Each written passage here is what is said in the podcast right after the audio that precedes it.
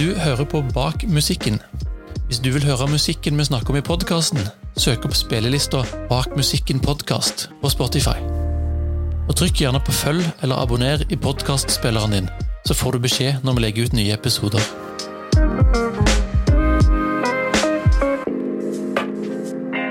Kurt Nilsen, hei. Hei. For en drøm å komme inn i studioet ditt. Jo, takk for det. Det var som å komme, en blanding av å komme hjem og komme til Nashville. Ja, det, det, han, det er en slags stemning her som eh, er varm og veldig, veldig brunt og veldig sånn eh, Ja, får lyst til å ta på deg joggebukser og tøfler og sette deg ned og skrive. Her er det fyr i peisen, her er det en deilig myk sofa og en haug med instrumenter. Mm. Det Flest, er jo fl- flest gitarer, da. Ja, det er jo hovedinstrumentet mitt, og så er det jo at over årene så har jo jeg alltid vært eh, litt sånn på shopperen. Jeg syns Ja. jo det er eh, gøy å spare opp til et eh, instrument i året, egentlig. Ja. Årets eh, fjøl. Ja, og sant, en gitar er jo aldri din så, når du ikke er inspirert på den lenger. Den er bare til låns, Aha. og så er det meningen at du skal gi den videre for å gi andre inspirasjon. For det er jo vanlig å kvitte seg med noen ting, men når jeg ser på veggen her, så har du ikke kvitta deg med så veldig masse. Jeg har kvittet meg med noe opp igjennom, men eh, jeg angrer hver eneste gang. Når du selger ting. ja, det er helt Ja, utrolig. riktig. Så eh, jeg har solgt eh, tre gitarer opp igjennom, og det har ja, knust hjertet mitt hver gang. Ja. Si litt for de som er litt gitarnerder. Hva, hva henger på veggen her?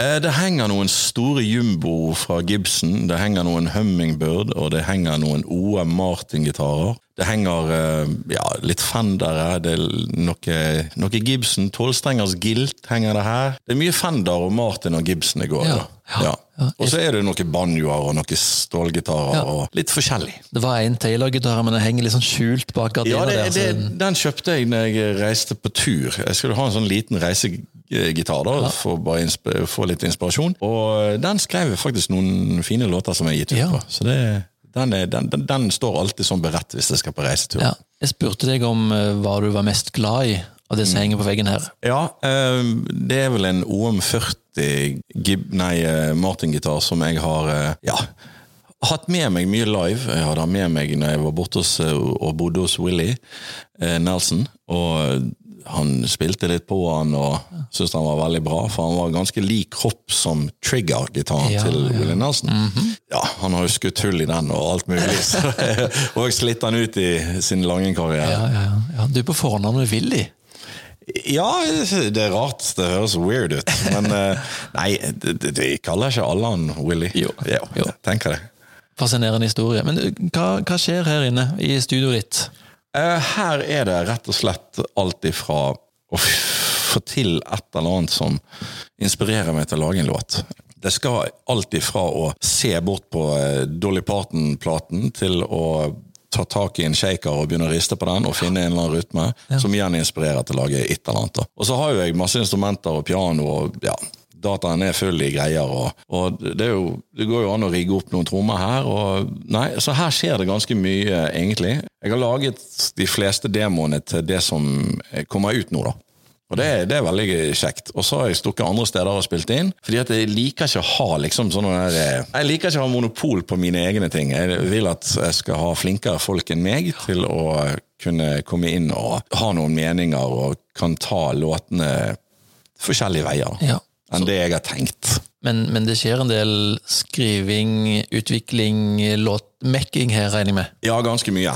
Det her er syv til fire-jobben min. Ja. Det er ganske kjekt. Også når, jeg, når det er bare Unnskyld ordbruket, drit på TV. Da går jeg inn her. Ja, ja, for det er vel enig i at det er en del Det på finnes en god del Da blir det eh, mye, shite. blir det mye tid her, da. Og så er det utsikt utover eh, Lier, Ja. eller Drammen. ja, det er ganske koselig her også. Fortell litt om um, låtskrivingen din. Hva, er du en sånn som blir lett inspirert? Er det lett for deg å sette deg i låtskrivingbobla, eller må du oppleve noe for at det skal trigge noe hos deg? Det er ofte det at jeg må oppleve et eller annet. Um, eh, Hin dagen så satte jeg meg i bil, og plutselig så begynner det å sant? Du har hørt en gammel sånn sviske på, eh, fra 40-tallet, og så begynner det å murre litt i baknålen. Og så begynner du å synge på et eller annet som på en måte Ja, det er ikke likt, men det er ikke langt ifra du kan høre at det kommer fra den tiden. Og så begynner jeg å skrive på det i går kveld, sitter her, og så i dag tidlig så var det nesten en ferdig låt. Og det, og det er veldig sånn rart, egentlig, at det kommer i, i de de, ja, det kommer i de øyeblikkene du minst venter det. da. Hvis jeg setter meg ned for å skrive en låt, for å bare, nå skal jeg skrive en låt, så skjer det ingenting. Nei. Da blir det mest instrumentering. Jeg har noen, jeg har noen mapper inne på dataen her som er full i instrumentering. Så det er rart, det der. Ja. Er det alltid melodien, linjene, som kommer først, eller kan du ta utgangspunkt i en tekst? Det er mest uh, hvis du sitter og uh, humrer og så blir det et eller annet ut av det. Ja. Og da går du bort til instrumentet og samme hva du tar tak i, bare det gir deg et eller annet så du kan begynne å synge på. Da. Så det er en uh, veldig todelt greie. Noen ganger så har jeg låter på å sette i gang en beat på trommene. Ok, Så synger jeg oppå på beaten, og så Ja, det, det, det, er veldig forskjellig. Noen ganger så er det pga. Ella uh, skriker litt høyt her. Altså Ella, min datter. Hun skriker. Men det er en kul, en kul tone. Ja, Kul melodi. ja. Ja. Nei, så det, altså Musikk kommer fra veldig mye forskjellige arenaer. Ja. Det, um, det er veldig ofte det at eh, jeg eh, blir lett inspirert av det som på en måte ikke jeg er bevisst på. Det kommer inn i skallen av en eller annen grunn, og så gjør det et eller annet med meg. Og da, ja, Utfallet er jo ikke alltid kjempebra, men noen ganger så er det det. Og det, det, det er jo det vi alle låtskrivere og musikere streber for, egentlig. Har du alltid hatt det sånn? For, for du har drevet med musikk i en mannsalder, eh, bokstavelig talt. Ja, jeg har vel egentlig alltid det. Jeg, eh, det er sjelden jeg setter meg ned med en elgitar og hiver på, på forsterkeren og tenker åh, her har jeg den. Mm. Det er sjelden. Det må komme fra en eller annen lyd. Jeg kjøpte en sånn lydbok her forleden til uh, min datter. Og der var det 50 forskjellige uh, dyrelyder på. og begynte å trykke på det der, men så fant jeg min greie. da. Så jeg gikk inn her og spilte det inn, og tenkte ja, og hvis det klanger dette nå, sånn, sånn begynner det. Ja. Og så begynner jeg å rote i det, og så snur jeg opp ned på det, og så plutselig Der er han! Det er så rart, altså. Ja, ja. Da er du jo på en måte mottagelig for det òg. Ja, det, du må liksom leite litt, da. Men uh, du, må være, du, må være, en drømmer, tror jeg. Det, jeg tror det er ofte nøkkel til, til, at det blir et resultat ut av det. Har Du, er, er, du en visjonær type? Har du på en måte ambisjoner? Du snakker om drømmer. Har du ambisjoner? Har du et eller annet sted du, du vil? Altså, Ambisjonene mine la jeg fra meg eh, for 15-16 år siden. Nå skal jeg bare kose meg. Nå skal jeg bare gjøre dette av et yrke og ha, lukke øynene mine og nyte det. For det, eh, altså, Jeg tror jo alle musikanter og alle låtskrivere er ganske enig med meg når jeg sier at det er jo det du har skrevet låten og fått inn den første demoen på den, at du bare Greit dette er det gøyeste. Det er ikke å spille den 3000 ganger i ettertid. Men det funker, det òg, altså. Men det, det, er et eller annet sånn magisk med det. Og ja, kan si sjekk. Ja. Nå er denne her, denne her er sånn. Så kan vi la den være litt, og så kan vi begynne å jobbe med den om et par måneder. Ja. Er det det kicket du leter etter? på en måte? Ja, ja veldig. Ja.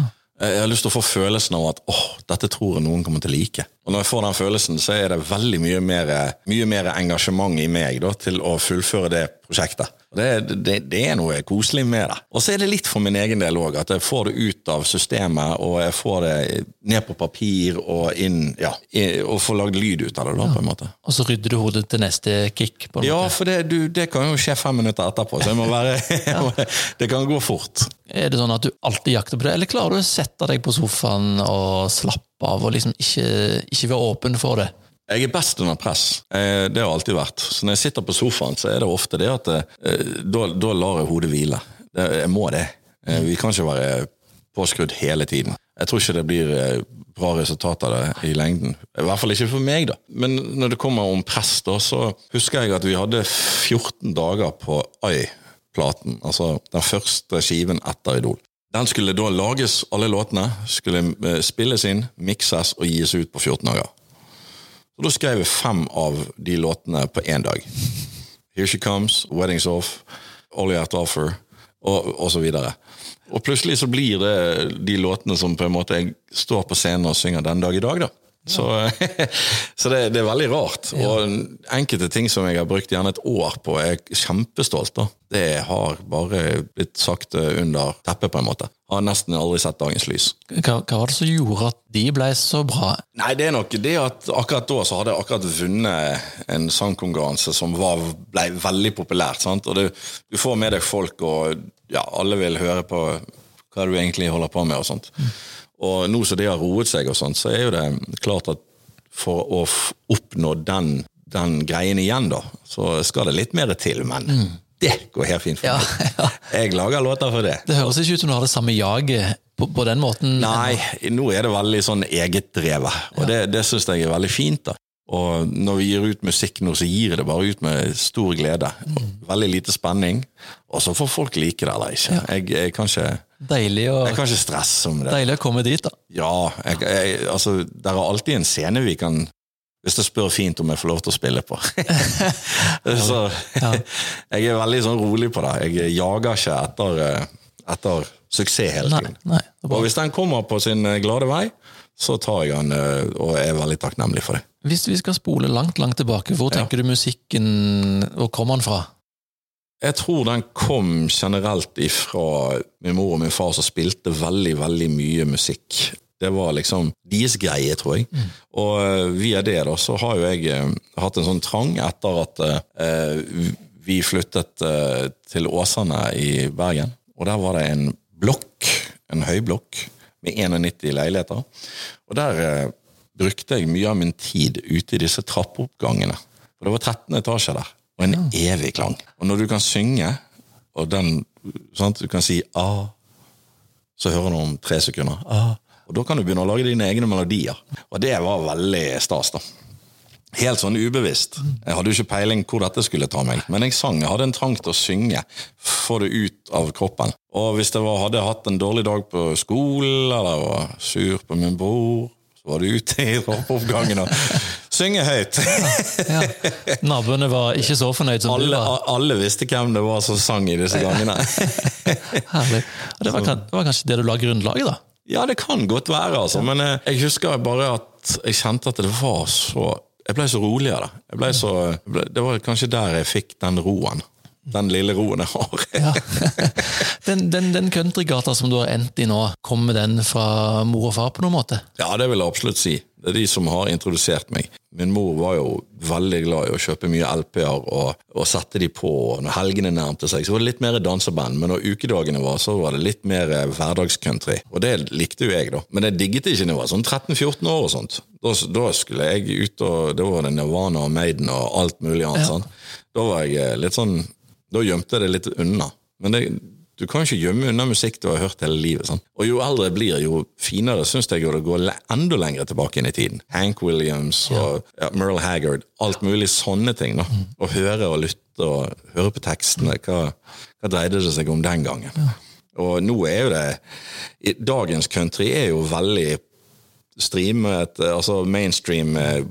Eh, Det, det snakkes mye om eh, whiskyen og trucken og dirt road, og det er liksom veldig Det er et smalt eh, teksttema på veldig mye av topp 20 countryhitser. Hvor, hvor kom den utøvende Kurt fra da? ved siden av sangtinga? Jeg har jo alltid hatt eh, søken om å kunne dele musikk med andre. Og der kom jo det Når jeg begynte på ungdomsskolen, så var jo det mange i klassen som digget mye musikk. Det er klart, Alle liker jo å høre litt og lytte litt, og når det kom et lokalt band eh, i Bergen, som for eksempel Barbie Bones, Pogo Pops, eh, Pumple and the Pills Når det der begynte å røre på seg i Bergen, da begynte vi band. Det endte jo opp med at eh, jeg kunne ikke spille gitar og sånne ting på den tiden, her, så da fikk jeg en mikrofon og begynte å hyle. Så godt jeg kunne. Og, og da var vel den første gangen vi fikk lov til å spille, det var på garasje. 15 år med svære kryss over nevene for at vi ikke skulle kjøpe øl. Men jeg hadde jo hanske. Selvfølgelig hadde du Ja, ja, hanske. ja.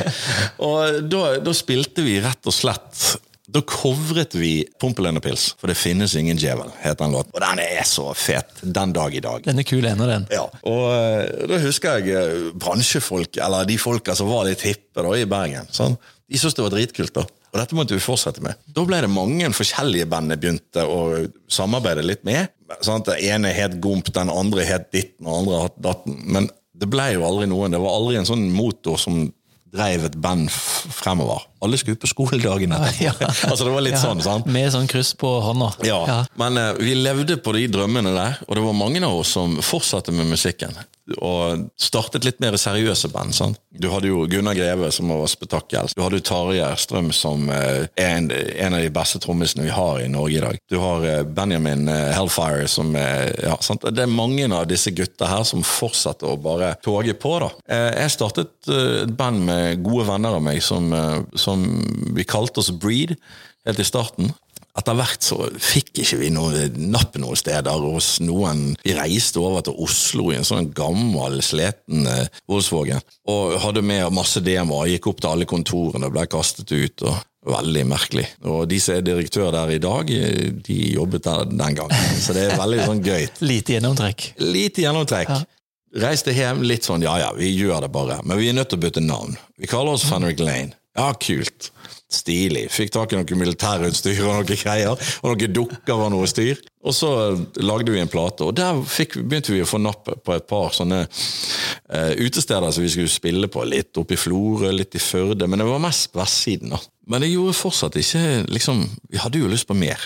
Sant? Når du er sånn så ung som det, så har du lyst på verdensherredømme. Du har lyst til å breake igjennom i staten, og du vet tanken. sant? Eh, som høres helt absurd ut i dag, men det igjen, det er gratis å drømme. Og så eh, kommer Idol på sin vei. Han som går og kjører på Fenwick Lane, han er dritlei av at det ikke skjer noe med det bandet. Så han, eh, han melder meg på i all, i all stillhet. Og eh, vi er ferdig oppe, på, eh, oppe i Førde og spille en kveld. Og det blir jo litt fest, eh, fest og sånt, men vi har jo ingen sted å bo. Så han sier sjåføren du, du går og legger deg i baksetet. Jeg sovnet jo på flekken og våkna oppi til audition. Og resten er historie. Der starta det, liksom. Ja. Så det, det er veldig rart. Uh, ja. Hvor tilfeldig tenker du at ditt liv er, eller har blitt sånn som det har blitt? Alle veiene som har blitt eh, ja, snøfrie for meg. Ja, ja, ja, ja. Ja, nei, det, jeg tror nok at jeg sitter ofte og tenker, tenker at eh, Jeg sier ofte til meg sjøl jeg er en veldig heldig mann. Og, eh, men jeg tenker òg at jeg er heldig fordi at jeg òg jobber hardt for det. Men at alle disse tingene har skjedd, det er mye flaks. Det er mye ja, tilfeldigheter. Det, du har rett i det, altså. Når du får meg til å tenke meg om. Ja, Så har du på en måte hatt et ønske og en plan og en drøm, men sånn, så skjer det ting som du ikke har, egentlig har kontroll på. Du har ingen kontroll på det. Det er jo først nå, etter mange mange år, at du på en måte liksom Ok, nå har jeg lyst til å finne ut av dette her litt på egen hånd òg. Og dermed blir det mye platekonstellasjoner, og du begynner å tenke din egen, ja, egen vei, da. Country-Gurt eh, Country-Kurt. Country. Det var country, komma Kurt. Ja, okay. ja, ja. I, I oppveksten, når mor og far eh, prega deg litt med countrymusikken sin, hva, liksom opplevde du som gjorde at dette sitter så dypt i deg? Jeg eh, reiste veldig mye med fatteren. Han var jo trailersjåfør. Han reiste jo nedover i Europa, han var i Russland og skulle levere fisk til ja, hele Europa. da. Jeg gikk i åttende klasse og hadde jo allerede fått veldig mye sånn musikk innabords fra tidlig oppvekst. Men jeg satt meg i bilen med fatteren og skulket skole i to måneder for å være med han ned fra Europa. Jeg var så skolelei skjønner du, at jeg holdt på å klikke. Så var jo det bare det det gikk i. Det var Willy, det var liksom Highwayman, og det var og Når det der går på repeat, vet du, sånn, så setter det seg i blodet. Sakte, men sikkert. Og fatteren som bare Jeg så at han koste seg med det. Det var hans store sånn musikalske passion. Det var å høre på roadmusikk. Landeveismusikk. sant? Det var Jerry Reed, og det var alle disse her gode, gamle traverne fra 70-tallet som hang i han, da. Enda dette her var tidlig på 90-tallet, så var det de gode, gamle, gode enda. Og han lærte meg til å liksom se litt tilbake igjen da, i tid. Og det gjorde jo til han, når jeg kom hjem igjen og ikke var så interessert i country, og skulle ha liksom min lille rebell med hardrock og alle sånne ting som det der, så hadde jeg lært meg at ja, men da må du tilbake inn i tiden og høre på den type musikk du hørte. Så da, da var det The Doors. Det var liksom 60-70-tallet hele tiden. Og gjerne eldre enn det, og 50-tallet. sant? Han elsket jo Elvis. sant? Men Elvis hadde jo masse country i seg. Men han ble jo king of pop. Rock and roll òg. King of det meste, egentlig. Ja. så, eh, sant? Og, men, men noen av disse her eh, gamle Elvis-låtene? Det er masse country i det. vet du. Og det der, der tok jeg med meg videre. Og da begynte jeg å skjønne at rock, country, blues, soul, hm, dere er ikke så langt ifra hverandre. La oss se hva vi kan gjøre med Altså meg. Når, når bestemte du deg for at jeg lander i dette? Det var vel egentlig når jeg hadde en trang til å synge på norsk i eh, Ja, det var vel i 2013, tror jeg. Da kjente jeg på når jeg skrev norske låter at det her er veldig nærmt countryen. Og Så begynte jeg å leke litt med det og høre litt på det, og så syntes jeg at det var så mye norske countryartister som er bra, da. Og begynte å søke litt i det, og tekstene passet veldig mye bedre der enn det ville jeg gjort hvis det skulle produsert i en veldig poppet verden. Og sakte, men sikkert så snevret det seg inn til en egen vei. Og når jeg eh, var ferdig med den, så liksom begynte å spille dette live, så var det utrolig sånn digg å bare slippe skulderen ned og bare Enda mer av det! Jeg vil ha enda mer! Ja, ja. Gøy! Ja. Og det var, platene var inn- i en god periode? Er det den platen stemmer. du snakker om? Ja. Ja. Men uh, Rise to Education som kom før, den er jo den som på en måte har banet vei for det, da, føler jeg. Eh, jeg var jo egentlig i studio og skulle lage et popalbum som het Push Push. Men så hadde jeg så utrolig mange låter. Jeg hadde jo 45 låter da jeg kom inn i studio der. Så han produsenten, Jørn Dahl, han skjønte jo ingenting. Ja, det her er jo ikke pop. så, så han òg skilte de der to veldig bra. Så i, mellom seks måneder fra Push Push til Rise to Education, så lagde vi to plater. Og da bare Den funker der, den funker der. Den funker her, og så fortsatte vi. Men eh, å finne ut at jeg skulle bli en liksom litt mer countryartist, det var nok på inn i en god periode. Ja. Mm. Det du gjør nå, hvis jeg skal komme med en litt halvgod musikkanalyse, så er du jo på vei inn i sånn stadion-country. Både funky og kult, og rocka og alt mulig. Ja, altså det som er så bra med denne sjangeren, det er jo at du kan alltid ta opp en gitar, sitte alene og gjøre noe fint. Du kan alltid ta med deg et par eh, musikere, og det kan bli eh, et lite sånn kult kulturhus-vibe av det. Du kan stikke på fest med det. Du kan rocke det opp, du kan bluse det, du kan soule det. Du kan vri og vende på countryen. Og selvfølgelig, du kan òg gå stadion på det. Og der er jeg, har jeg aldri bestemt meg. Hvor vil jeg ligge? Hva Hva, som passer meg? Hva er best, eller hva Jeg, tenker, jeg har alltid tenkt sånn at låten må få bestemme. Hvor skal jeg? Hvis jeg skal, sånn Nå har jeg akkurat gitt ut um, en låt som heter High Love, som er en skikkelig sånn rocke-anthem med country-elementer i seg, og er litt sånn tøff. Ok, La den låten stå for seg, og så snur vi oss, og så snakker vi om min far, som har uh, gått bort. Og da vil vi inn i et annet landskap. Sant? Så, så der er så veldig mange knapper å trykke på i den sjangeren. Så bygger formatet og, og instrumenteringen opp under hva du vil si. Ja, og jeg tenker det at eh, jeg har alltid vært sånn her eh, Åh, dette må låte bra, fordi at denne låten låter jo så bra. Så det må låte litt likt. Nei, vet du hva, gi opp. La oss snakke om La oss heller bare kose oss. Ja. Hvis den låten her er fet, så er den fet. Da står den på egen grunn. Og så får eh, den rolige låten den får være kjærlig og fin og inderlig og ja eh, Fortelle. Og da blir jo instrumenteringen litt annerledes. Gøy. Blir du inspirert av noen andre artister? Når, når det første du gjorde da vi kom inn her, var å sette på en ny låt av Chris Stapleton. Ja, jeg, eh, jeg syns han er jo en, en av de dagens eh, ja, Dagens Ray Charles, egentlig. Eh, På, en, på bare gode måter. Han, han blander elementer av soul og country og rock og blues inn i en fantastisk eh, god suppe. Og det er så godt å sitte og høre på dette her.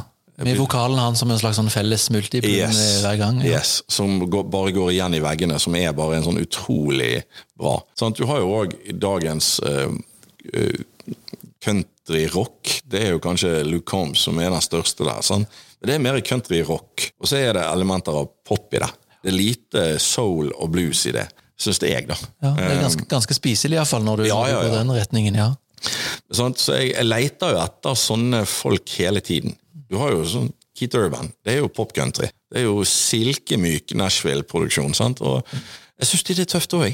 Så der er så mange eh, gode countryartister nå som på en måte bretter ut countryen på alle mulige rare måter. Drar du ut i alle retninger? Ja, ja, ja. Og du kan gjerne være veldig smal og gå eh, gå liksom eh, litt ned eh, og tenke ja, nå skal vi lage en litt sånn roots-plate, og ja, ok, men vi tar country med inni det. Stilig! Da blir det tøft. Sant? Da blir det Brother Osborne og sånne ting som det der. Og det, jeg digger det. Morsomt. For, fortell meg om, for, for du trives inni her og lager låter og spiller inn ting, og, eh, men så trives du på scenen òg. Ja, det er jo kanskje um, det stedet som på en måte jeg kan uh, la alt bare slippe. Regninger, ting jeg burde ha gjort. Uh, mine forpliktelser i hverdagen.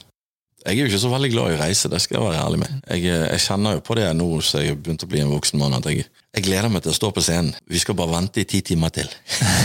så er vi der. Ja, det er to fly, og så er det en Ja, etterpå. Ja, og så er det noen greier, og, å nei, der, og der kommer ikke bagasjen. Ja. Stilig. Nei, altså, det er kanskje det som er liksom bakdelen. Men det er jo det jeg har signet opp for òg. Mm. Um, så du må jo bare Da må du finne på noe å gjøre på i mellomtiden. Men å stå på den scenen, det gir meg så utrolig mye inspirasjon og glede. Og snu meg bort, og så står gitaristen her og bare stordigger. Og keyboardisten står bak og bare 'Jeg har det så fett! Jeg har det så fint jeg nå! Og det er sol ute!' Og, sant? Altså, Du ser bare gutter er glade, og det gjør meg glad. Og dermed tror jeg òg mange i publikummet blir eh, engasjert. da. Og vi har en utrolig spilleglede i det bandet. Og nei, jeg eh, Og det smitter, det er helt sikkert. Det skal jeg love deg, det har en tendens til å gjøre. Ja, ja. Men sant, igjen, nå får du meg til å føle meg veldig heldig. Er du så rutinert at du ikke er nervøs eller spent, eller har du fremdeles den spenningen i kroppen før du går på scenen? Åh, det er ofte det at jeg, eh, jeg eh, sliter litt før jeg skal på. Altså. Men eh, når det er festivaler, og når det er, jeg skal på scenen, så kommer jeg til et sånt stykke at jeg er så nervøs og stresset og svett i hendene og vet ikke helt hvor jeg skal gjøre av meg, til at jeg ok, da går jeg på. Og med en gang jeg tar det valget der, så bare greit. Hva som kan gå galt her, da? Alt kan gå galt, men, men du må liksom ha den feelingen. da. Det verste som kan skje nå, det er at jeg går av scenen og reiser hjem. Og har det like greit. Så det er egentlig ikke å være så Synger jeg litt surt? Ja ja. Da lever vi av det. Har du noen sånne rutiner før du går på scenen? For dette er jo på en måte gutter som skal ut og levere som et, som et lag. Ja, vi, har, vi er ganske gode på å sette oss ned, synge litt igjennom, få opp stemmene, eh, få fingrene i gang, eh, sant? få roen. Og da har vi en tendens til å liksom finne to blyanter og en telefonkatalog, og det er, begynner å Det tar ganske fyr bak. Det er ofte det at det er de sessionene der jeg skulle ha spilt inn, altså, for det er ganske fint. Det er en eller annen Ja, og, og fel kommer opp, og en mandolin kommer opp, og plutselig så blir det et sånt lite lag, da. Og det er veldig artig. Og alle korer og synger med og er liksom i in the zone. Og så er det ut og levere, og så er det, så er det ferdig, og Ja. så klarer du å roe deg og senke deg etter du har spilt en konsert. Jeg er veldig dårlig på det, det skal jeg innrømme. Jeg, der er jo et slags adrenalin som må få et utløp. Så jeg har vært mye som våkenetter. Og det er jo der den reisingen dagen etterpå ikke kommer så godt inn, da. Ja. Å ja, fly klokken syv, ja, stilig! jeg, og jeg skal hjem òg, ja. ja. Eh, Men jeg, altså, jeg er jo blitt heldigvis litt vant til å reise litt. Jeg syns det er stas. Så lenge jeg har de gode, fine folka med meg på tur, så er ikke det her det verste jeg kan gjøre. altså. Men det er jo bare en del av greien. En del av pakka. Ja, det er det. det, er det. Ok, Kurt, Hvis vi skal oppsummere alt vi har snakket om nå, hva, hva betyr denne musikken for deg? Det er vel litt, altså, litt av hjertet mitt. Og jeg tror nok at den driven jeg har til å skrive og formidle og holde på å reise rundt og spille for folk, det gir meg bare enda mer liksom eh, kjøtt på beinet da, til å fortsette å kose meg rundt. Og ja, kanskje en vakker dag så gjør jeg noe helt annet. Men jeg klarer ikke å se det for meg. Jeg er veldig dårlig på å liksom analysere hva gjør du om ti år. Ja, ja. Har ikke peiling. Antageligvis det samme, men i forskjellige skalaer. Så eh, jeg bare håper at jeg kan være en glad mann, frisk mann, og være en god familiefar. Og fortsette å holde på å skrive låter og kanskje inspirere noen andre. Så deilig. Ja. Ja, Og så bare være fornøyd med at vi har, eh, har det så bra som vi har det. Nydelig. Det var et, et fint punkt om en fin oppsummering. Takk, takk. for innblikk i Kurt Nilsen, eller Country-Kurt, som, jeg- som jeg kaller deg nå. Likte det! Ja. Kanskje det er det det skal stå på min neste plate. Veldig bra. Takk for uh, at jeg fikk komme på besøk. Tusen takk. Lykke til med alt av prosjekter og alt mulig, og fortsett å drømme. Det er Ja, jo viktig. det skal jeg aldri slutte med. Herlig. Snakkes. Du har hørt Bak musikken. Hvis du vil høre musikken vi snakker om i podkasten, søk opp spillelista Bak musikken podkast på Spotify. Og trykk gjerne på følg eller abonner i podkastspilleren din, så får du beskjed når vi legger ut nye episoder.